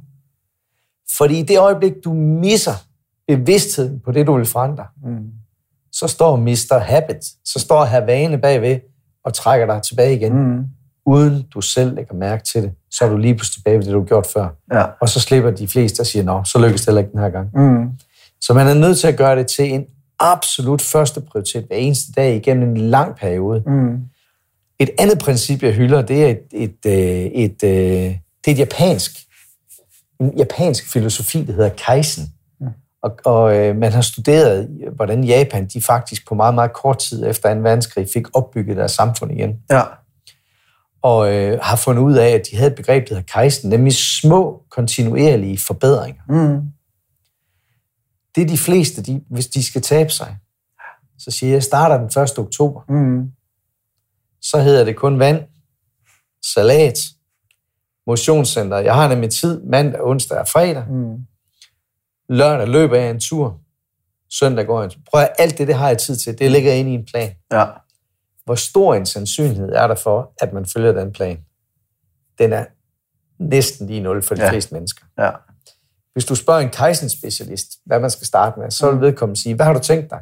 Jeg har tænkt mig at begynde at spise salat, drikke vand, motionere tre gange om ugen øh, i fitness, løbe lørdag og gå tur søndag. Så vil en Kaizen-specialist sige, okay, må jeg foreslå dig noget? Ja. Jeg synes, du skal starte med at løbe en lørdag. Mm den næste måned. Ja. Og en lørdag igen måneden efter. Ja. Indtil dit løb den ene lørdag er blevet en vane. Mm. Så kan du sætte et glas vand på mandagen. Ja. Det vil sige, hvis du løbende tager en lille ting ad gangen i din strategi, mm. til det bliver en vane, så sætter du den nye ting på, og inden du ved af det, selvom det herinde måske har taget et år, ja. Så har du faktisk taget et kvantespring, ja, ja. og har forandret dig fuldstændig. Men vi ønsker det hele på én gang, ja. for vi vil vi vil have, vi vil have forbedringen i morgen. Mm-hmm. Derfor er jeg nødt til at gøre alting på én gang. Ja. Og så mislykkes vi. Ja, ja. Vi skal tage én ting ad gangen. Ja. Få gange, indtil det bliver en vane. Så kan vi sætte det op. Ja. Ja, også for at få den der altså vedvarende succes. Ja. Fordi de der øh, quick fixes og sådan noget, som, som alle går efter, det er jo typisk det der med, at øh, jamen, så får man en, en øjeblikkelig tilfredsstillelse, og så, øh, så er man tilbage i, i det samme. Og det er jo også, altså i forhold til kost og vægttab, så kan man, altså jeg, jeg kunne jo tabe mig lynhurtigt på to uger ved at lave nogle ret. Jeg tog alting, alle, alle mm. både vand og salat mm. og det hele på én gang, mm. for at se, hvor hurtigt kan jeg gøre det her. Og der gik jo ikke andet end to uger. Øhm, og så finder man jo lige så stille ud af, når jamen, kroppen den er jo lynhurtig til at bare tilpasse sig. Mm. Så, så man er nødt til at erkende det her, som vi også tit har snakket mm. om, jamen, du er, det er jo hele tiden, man er hele tiden i proces. Mm. Så hvis man ligesom kan, kan slippe den der med at tænke, øv, jeg troede, jeg var færdig, ja. men ligesom at sige, jamen det er noget, jeg er stadig, og, og netop at sige, hvad, hvad er dit mål egentlig? Hvad, hvad er det, du tror, du skal ende med? Mm. Øh, tror du, du skal stå og ende med 3% øh, øh, kropsfedt, eller mm. øh, hvad, hvad, hvad fanden er det selv? Mm. Øhm, så der er mange ting i det der. Men noget, jeg også tænker, som er lidt sjovt i forhold til det her med mikrostrategierne, og hvor svært det er øhm, at, at tillægge sig nye vaner. Der kommer også hele det der, både nærmest loss of attraction, fordi man begynder at kigge ud, og, og, og det er ligesom om hele verden, den begynder at hjælpe de der mikrostrategier på vej. Mm ved at man ser alt muligt, øh, når man er på vej hjem, at øh, når du skal i hvert fald, eller måske skulle du spise den her burger, eller måske skulle du, altså, det er jo sindssygt, som man lige pludselig bliver opmærksom på alt, der kan hjælpe, hjælpe en i den dårlige retning. Fuldstændig. Altså, det, er, det er øh, lidt som om verden den står og siger, at det skal ikke blive for nemt. Ja. Der, ikke også? Ja. Øhm, Bestemt. Ja. Og, og så vil jeg så sige, at øh, det, er jo også vaner. Mm. Fordi det øjeblik, man kommer på den anden side og har fået indarbejdet de nye vaner, den sunde rutine og sådan noget, Ja. ser man lige pludselig ikke de der produkter mere. Nej. Så ser man jo det. Og sådan er det med os mennesker. Vi ser det, vi ser efter, og hører det, vi hører efter, mm. og vi mærker det, vi mærker efter. Ja. Så det er klart, hvis jeg mærker sult, og jeg er vant til at kigge efter en burger, så er det burgeren, jeg får øje på. Ja. Hvis jeg mærker sult og kigger efter en kartoffel eller øh, bl- bl- bl- blomkål, eller hvad det må, så er det det, jeg ser. Jeg Ja. ser slet ikke det andet. Nej. Og det, det er hele den transformation. Mm. Øh, og det hører man jo, øh, man hører det jo ty- ty- tydeligt med mennesker, som virkelig har taget livtag med tingene. Ja. Og selvfølgelig kan forandringer også ske, og selvfølgelig er der nogle mennesker, der kan tage alle forandringer på én gang, mm. fordi de bare målrettet på det. Ikke? Ja. Jeg taler bare om mængden af alle os andre, Ja, ja. som, øh, som er nødt til at tage det i små etapper. Ja. Øh, men vi hører det jo tit fra, fra dem, som virkelig har taget livtag med sig selv. Mm. De, de ser ikke det usunde mere som en, som en mulighed. Nej. De lægger ikke mærke til det. Nej. Før havnede der alt muligt i min indkøbskurve. Det gør der ikke mere. Nej. Fordi jeg ved, hvad jeg skal gå efter nu. Ja. De har bare ikke vidst før, hvad det var, de skulle gå efter, og har ikke haft lysten til at gå efter det. Og, og, og det synes jeg er vigtigt, fordi det handler netop om det der med, at i stedet for, at det er nogle helt specifikke ting, du skal gøre, så er det jo med at finde de der principper, der ligesom virker for en. Mm. Og jeg ved da i hvert fald, når efter øh, at have leget med det her et, et par år, så er, det jo, så er det jo ikke nødvendigvis det der med, når du skal bare stå lidt længere tid på det der øh, løbebånd, øh, men, men at det netop er, jamen, jamen, kig nu på, hvad du, hvad du putter i munden, og hvordan, men også fokusere på altså, ting som søvn, Mm. fordi det, det er faktisk der, vi taber os allermest, Mm. mm. det er, når vi, når vi ligger og sover. Mm. Åndedræt, sagde du også selv, det, det, det er en af de, de måder, vi, vi, vi faktisk får fedtet ud af kroppen, det er gennem vores ånde. Der er enormt mange affaldsstoffer, der Ja. går igennem ånden. Altså. Ja.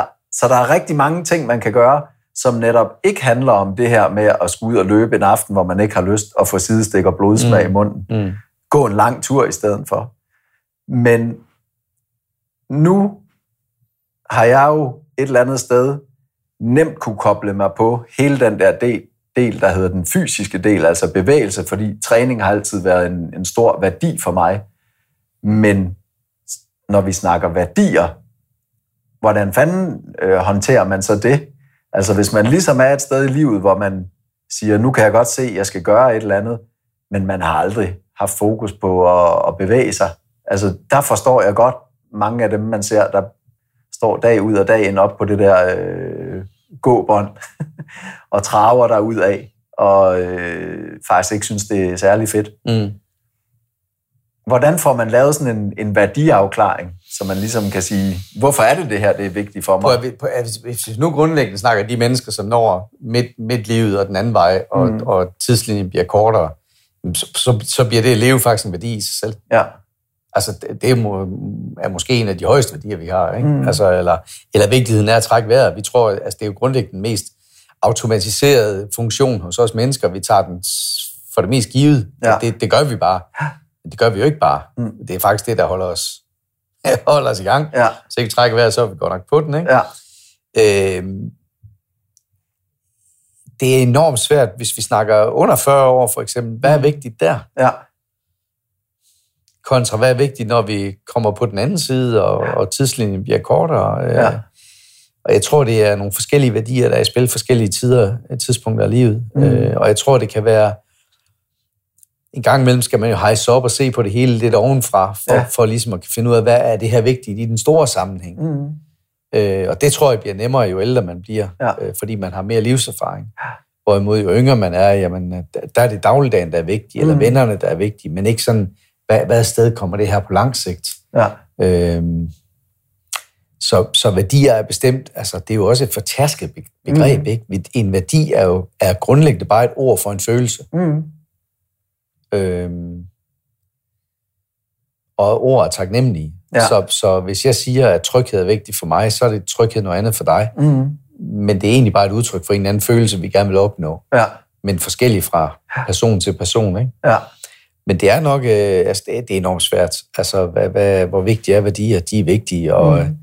og de er vigtige på forskellige tidspunkter. Og alt, altså jeg tror på, at alt hvad vi gør, gør vi jo, fordi det er vigtigt. Ellers mm. vil vi ikke gøre det. nej, det, vi, det. Vi kender måske ikke værdien. Mm. Vi kan ikke sætte ord på den.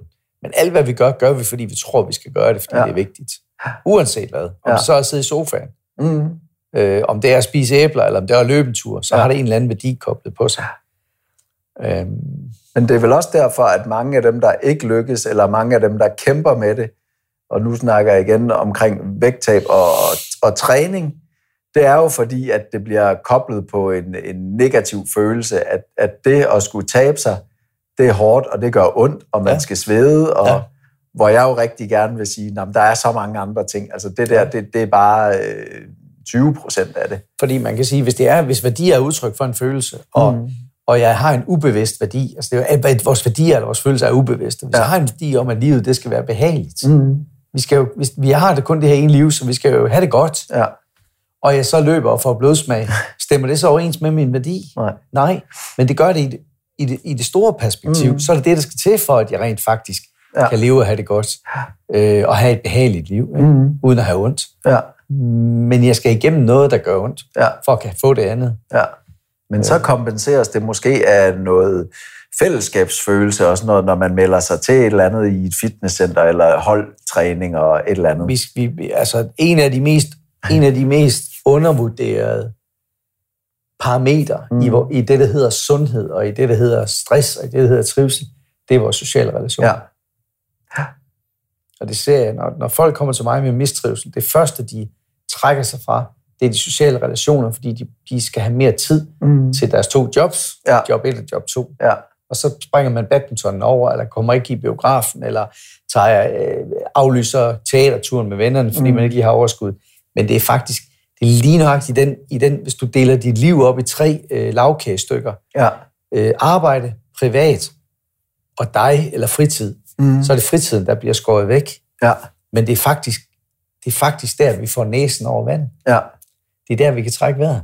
Det er der, vi kan være os selv, uden øh, nødvendigvis altid at have en eller anden form for dagsorden. Mm. Det er der, hvor vi kan yde frivilligt arbejde. Det er der, hvor vi kan være en del af en forening Ja. og være fodboldtrænere. Øh, gøre noget, uden, Ja. uden, at, uden at skal have noget tilbage, så Ja. at sige. Ja. Bidrage, yde øh, på den gode måde. Ja. Øh, så, så de sociale relationer, det er enormt undervurderet i forhold til mistrivsel. Helt vildt. Det er Det er faktisk også derfor, det er helt galt, når, når folk, ikke, ikke altid, men i mange tilfælde, når nogen bliver sygemeldt fra deres arbejde, så der er selvfølgelig en, en del af deres arbejde, de ikke skal udføre, fordi det er måske det, der har været årsagen til det. ja. Men reelt set, så trækker du dem også væk fra de sociale relationer. Og det er, det, det er ikke altid godt. Det er også det, der er lavet undersøgelser der i de der blue zones, hvor folk lever længere. Der er der jo mange af dem, hvor, hvor de ryger og drikker, og netop er meget socialt anlagte. Og det er jo også det der med, at, at naturen et eller andet sted, øhm, man, man skal jo retfærdiggøre, at man er her. Ja, Altså, du skal kunne bruges til et eller andet. Så hvis du, hvis du øh, går for dig selv et eller andet sted, og ikke øh, kan noget, Ja. ja. og alle systemer er ved at lukke ned, jamen, så tror jeg ikke, at naturen øh, hjælper dig med at, med at komme tilbage i flokken og blive jeg læste alfahan. faktisk, jeg, jeg, nu tror jeg nok, det er et spansk samfund, men for noget tid siden læste jeg om et japansk samfund. Ja. Hvorhen i Japan, ved jeg ikke. Udover det, det er ude ved kysten et Ja. ja. sted. Og det var et, øh, et fiskersamfund, skråstreg, rismark samfund. Ja. Og der var gennemsnitslevealderen over 100 år Ja. i det her øh, område. Og hvad lavede de her mennesker? Mm. De må jo have løbet, Ja. motioneret, styrketrænet, gjort alt muligt. Nej, de gik ud i rismarken om morgenen, Ja. og enten plantede eller sået, øh, hvad hedder det, plantede eller høstet ris. Så fiskede de. Og det fik de jo ikke dagen til at gå med. Mm. Resten af dagen, den gik med at sidde og drikke sake, Ja. ryge smøger, kigge ud over vandet Ja. og snakke med hinanden. Ja. That's it. Ja. Og jeg tænkte, fuck, hvis jeg kunne sidde og ryge, Ja. drikke, og bare snakke med folk hele dagen og blive over 100, så er jeg en glad mand. Ja. Jeg havde sådan noget sol og noget varme. Der er mange ting, der spiller Ja, ja, ja, ind, med på. Ja. Men bare for at sige, at, at uh, sundhed er jo, er jo mange ting. Ja. Altså, det kan også være enormt sundt at gå til ølsmagning eller whiskysmagning Mm. sammen med gode venner, Ja. fordi man får grinet. Ja. Øh, på et tidspunkt var der mange, der var vildt efter kulhydrater, Mm. øh, hvor der var en kostekspert fra København Universitet, der sagde, hvornår har kartofler nogensinde ja. været usundt? Ja. Altså, den havlede man jo ned, fordi, ja. ja. Ikke? Så, så der er rigtig mange ting, vi sådan tænker, det er usundt, men, men i bund og grund, så tror jeg på balancen. Ja. Øh, jeg tror på, at for meget af det sunde er usundt. Ja. For meget af det usunde er usundt. Ja. Men det skal sgu være noget midt imellem. Ja, og så er du nødt til at, at, at mixe det hele tiden. Altså, jeg, jeg startede ud med, med stort set alt al kulhydrat væk og sådan noget, og det gav Ja, ja. jo en kæmpe effekt. Men det er jo også fordi vores kost, som den generelt ser ud i dag, altså fordi vi, vi har bare mad tilgængelig hele tiden. Så det er jo lige så meget det, og, kulhydrater, de er nemmere og sjovere at æde. Det, det er jo ikke et spørgsmål om, at kulhydrater er usundt. Mm. Det er et spørgsmål om, kulhydrater i for store mængder er usundt. Ja, og hvad for nogle kulhydrater man får. Og der Ja. er også der er et eksempel på en, der var en eller anden australsk mand, der han, hans øh, vej, fordi han tænkte, nu ja, han var også faldet i, øh, nu, nu tager livet mig og, og fører mig hen. Så han var også faldet i fælden og blevet alt for tyk, og han, han gik jo, han spiste kun kartofler i et helt år. Kun kartofler. Ja, Og han tabte sig også helt. ja. ja. Altså, og det er jo det der alt, og der var faktisk en, en øh, i en af de podcast, jeg hørte, der var der en, han sagde, jamen, jamen alle diæter, du ligesom tager, lige meget hvad det er, så er det jo en øh, elimination, en elimination, øh, du eliminerer en eller Ja. Øh, fødevaregruppe Ja. eller ting fra din kost, og bare det, du gør det, ja. så sker der en anden sammensætning af din, øh, Ja. af din tarmflora og sådan noget, og så vil det afgive et eller andet, fordi kroppen reagerer. Selvfølgelig. Så man skal jo bare hele tiden blive ved med at sige, okay, nu er min krop, nu har den skulle vendet sig til, at Ja. jeg gør det her. Ja. Hvor tweaker jeg nu? Og der synes jeg, det er fint, at man er vegetar en måned, og så kan man æde kød en anden måned, og alt det der. Man må bare aldrig gå hen og blive for heldig om et eller andet princip. Jeg, jeg, jeg, jeg, jeg bruger tit min far som eksempel. Han bliver 82 nu. Mm. Og det er faktisk ikke mere end et par uger siden, jeg ringede til ham, og så lød han fuldstændig forpustet i telefonen, og jeg tænkte, er der noget i vejen? Nej, jeg er ude at cykle, siger han så. Okay. Øhm, han har en landevejscykel, han har en mountainbike, han spiller golf tre gange om ugen. Ja. Øh, men ved du han ryger pip. Han har godt nok aldrig inhaleret, men han får da trods alt det der lort ned øh, alligevel. Ikke? Ja. Men han ryger ikke mere end måske en eller to piber om dagen. Mm. Han har aldrig løbet maraton. Har løbet halvmaraton. Mm. Har han løbet? Ja, det har han. Jeg tror aldrig, han løb over 10 km. Måske 14 til Limfjordsløb for Ja. mange år siden. Har han cyklet meget? Ja, det har han. Har han cyklet i bjergene nede i, nede i Alperne? Nej, det har han ikke. Har han cyklet Nordland rundt? Nej, det har han ikke. Har han cyklet mere end 50 km? Det tror jeg egentlig ikke. Øhm, han har altid formået. Han, han, han, prøv at høre, en, en kaffe og en snaps, det er dejligt. Ja. Når han spiser, spiser han ikke 6 halv, spiser han 3 halv, fordi så er han tilpas. Ja. Han har den der balancegang Ja. i sig. Ja. Han har aldrig levet asketisk. Mm. Han har altid sørget for at motionere. Ikke for meget. Nej. Han har altid sørget for at spise godt. Også er det usundt. Ikke for meget. Mm. Han har røget. Ikke for meget. Ja. Altså, kan du følge mig? Ja, ja. Og han, jeg siger ikke, at det er opskriften, men for ham har det jo fungeret. Ja. Og han har aldrig nogensinde holdt sig fra at spise mayonnaise, eller Nej. spise kartofler, Nej. eller spise lidt slik, hvis det var det. Nu er han ikke så meget for slik, men chokolade og sådan nogle ting der. God til en cognac. Og, Ja. prøv her. Aldrig for meget, aldrig for lidt. Nej. Det er det, jeg tror på. Ja, jeg det tror tror jeg på balancen. Ja. Og det er hele... Prøv, hvis, du, hvis, du, hvis du hejser det helt op, Mm. hele universet er bygget op af poler. Ja. Altså, Ja. vi er fra den ene ende til den anden. Ja. Vi er fra nord til syd, vi er fra øst til vest. Vi er alle vægtskålsprincipper, Ja. og der skal være noget af begge dele. Og det siger Yin og Yang jo Ja, ja. også, øh, det gamle øh, kinesiske... Elektroner, positiv og negativ. Ja, ja. Det er det samme. Ja. Så hvad er det for os til at tro, at vi i, i en elektron kun skal være plusladet? Ja. Ah, du er sgu nok nødt til, hvis det er, hvis det, er det i elektroner, det er jeg ikke så stærk på det der, men, men du er nødt til at have både plus og minus. To Ja. magneter kan ikke hænge sammen, hvis de har den samme. Øh, ladning. Altså, det er, vi er, det er på den måde, det fungerer. Ja. Ja. Og jeg, jeg har det også sådan, det, det, det, det bedste eksempel på, øh, det bedste tegn, jeg har på, at, at, at det, jeg gør, det fungerer for mig, det er jo det der, når folk er forvirret og siger, jamen jeg troede, jeg troede ikke, du måtte spise det der, og hvad er det for en kur, du er på, og så må du da ikke gøre sådan, fordi jeg egentlig Ja. selv kan vælge, Ja. hvornår gør jeg hvad. Ja. Og så kan jeg æde pizza om fredagen og drikke rødvin. Og så have kan det jo godt med være, som du har gjort i en periode, hvor du siger, at nu lukker jeg alt det her ud. Ja, Det er jo lidt det samme som at sige, at jeg har lagt rigtig meget i den her vægtskål. ja, Nu er ja. jeg simpelthen nødt til at, at lægge noget i den anden og tage noget fra den første, ja. indtil man finder rytmen eller balancen igen. ja, ja. og så kunne vide præcis, om jeg ved godt, hvis jeg, den begynder at hænge lidt for meget herover, så har jeg altså masser af værktøjer, jeg kan lege ja. med herover. Og der, der vil jeg jo gerne ud til folk med, at der er de her mange værktøjer. Ja. Det er ikke kun at stille sig op på det der løbebånd, og så bare løbe ind til der står, at man har brugt 500 kalorier, og så går man hjem og tager et øl, fordi det var det, var det hele værd. Men hele Mindstep Care, ja. som jo er sundhed og trivsel og arbejdsglæde, mm. det bygger netop på et enormt bred palette ja. af muligheder. Fordi vi ved, at mennesker er forskellige, Lige og skal præcis. have det på forskellige måder. Og nogen skal træne, nogen skal have kursus, nogen mm. skal have foredrag. Øh, så vi har ikke, vi er ikke ude at missionere en bestemt retning Nej. inden for, hvordan man lever livet og bliver glad og sund. Mm. Det skal folk selv finde ud af. Det er det der hele grundlaget for det her. Ja. Og vi er ikke ude at missionere, at man skal løbe så og så langt, eller man skal spise så og så lidt, eller så og så meget Nej. noget. Det finder man, ideen er, det finder, det finder vi selv ud af. Ja, ja. Vi vil bare gerne ud og give muligheden for at inspirere på området, ikke også? Ja. Øh, fordi der er en milliard forskellige måder, vi mennesker, vi kan, ja. vi kan finde den sunde vej ja. øh, for os selv på. Ja. Øh, og det, det, det skal vi have muligheden for. Ja. Og jeg tror, det allervigtigste, det som du siger, at det er at få folk til at vide, at du er selv nødt til at forholde dig til din egen sundhed. Ja. Og det er jo også det, altså, der, der er nok af idioter som mig, der tror, at øh, vi har fundet, fundet løsningen på det hele, men det er også derfor, jeg laver de her podcast, det er for lige så meget for at høre, hvad har virket for andre, og netop ikke kun at snakke kost eller et eller andet, men søvn, stress, alle de her faktorer, mm. som et eller andet sted mm. påvirker også vores øh, livskvalitet. Mm. Så helt rigtigt. Og nu siger du selv søvn. Ja. Godnat. Godnat er så godt. Jeg vil bare sige, hvis, hvis man mistrives, der er et sted, man skal tage fat, det er søvn. Ja. I hvert fald, når vi snakker stress. Mm. Det skal være på plads.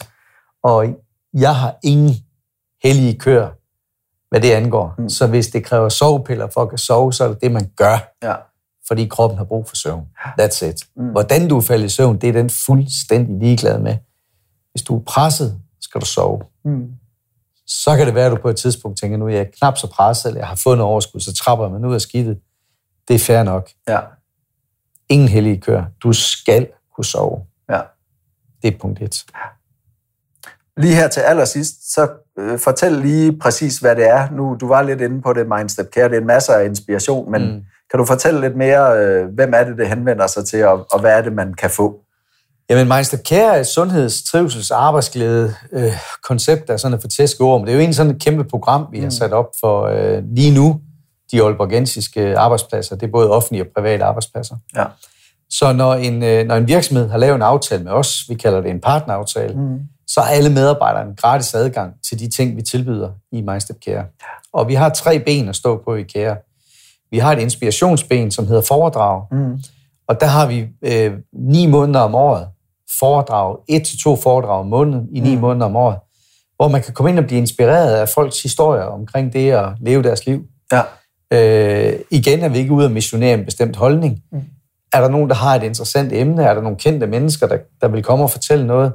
Jamen så, så kan man komme ind og sætte sig og høre, høre et foredrag, og måske gå ud og få en øl med en kollega bagefter. Mm. Det, det bliver brugt som inspiration, men også som sociale arrangementer for virksomheden. Så har vi kurser og workshops. Så vil man gerne vide noget mere og kunne noget mere omkring sundhed og trivsel og arbejdsglæde, jamen så har vi forskellige kurser. Det kan være alt lige fra trivsel i team til førstehjælpsuddannelse mm. til elementær brændslukning, for det ikke skal være helt løgn. Det kan jo også redde liv. Ikke? Ja. Mm. Til øh, ledelse, øh, der skaber succes, personlig effektivitet. Kurser, man sådan kan koble sig på. Mm. Og så har vi træningsbenet, som er lige nu mellem 25 og 30 forskellige hold hver uge, hvor man kan tilmelde sig forskellige træninger, alt lige fra løb og crossfit, øh, mountainbike til mindfulness, meditation, yoga, pilates, aquahold i svømmehal. Mm. Alt sammen noget, hvor man hopper ind på et hold, er aktiv i en time, eller sidder aktiv ved at, være, ved at lave ingenting ja. i meditationen, og væk igen. Og alt det, det er gratis for medarbejderne, når virksomheden laver en aftale med os. Så det er grundlæggende det, vi går ud og gør. Ja. Super enkelt. Kæmpestort udvalg, så vi rammer flest mulige medarbejdere og meget, meget billigt for virksomheden. Og igen, så er det, det jeg synes, der er fedt ved det, det er jo det her, at, at det tager fat et eller andet sted, før ting er gået galt. Altså fordi vi har alle sammen sundhedssikringer og alt muligt, som er beregnet på, ja. når, når først det er, su- gået galt. det, er, det er sundhedsoptimerende, og det er selvfølgelig også, øh, når det bliver brugt, så, så minimerer vi også sygefraværet. Øh, hvis folk falder ud over kanten, jamen så, og, og bliver grebet af sundhedsforsikring, og bliver tilbudt noget psykolog eller noget fysioterapeut, jamen så har vi stadigvæk en masse ting, vi kan, vi kan støtte op med i den, i den behandling og tilbagevenden til job. Så der er, der er kanon mange fordele øh, i det koncept. Og det er, det, er, det er som hvis du forestiller dig verdens største og bredeste frugtordning mm. eller frugtskål. Der er simpelthen så mange forskellige stykker blandet frugter i, og, og der kommer nyt til øh, hver måned. Mm. Og det kan man finde mere om på, hvad hedder hjemmesiden? Den Mindstep hedder Care. mindstepcare.com. mindstepcare.com. Jamen Søren, det var super hyggeligt, som sædvanligt. Vi, det kan være, at vi er nødt til at lave en anden podcast, hvor vi snakker videre om et eller andet andet. Der er i hvert fald, øh, vi har svært ved at stoppe. Du har altid været nem at snakke med. Det er godt. Ja. tak for nu. Tak fordi du lyttede med. Forhåbentlig var der noget, du kunne bruge. Udover at lytte til den her podcast, handler det jo også om at lytte til din egen krop og forholde dig til din egen sundhed. Jeg er jo ikke læge, og informationen i podcasten her skal opfattes som inspiration og en måde at få nye vinkler på din egen sundhed. Hvad der virker og ikke virker, er individuelt og handler jo om, hvem du er, hvad dit udgangspunkt er, og hvad det er, du gerne vil opnå. Men håber, du blev inspireret og fik nogle nye eller andre sandheder om sundheden. Tak for nu.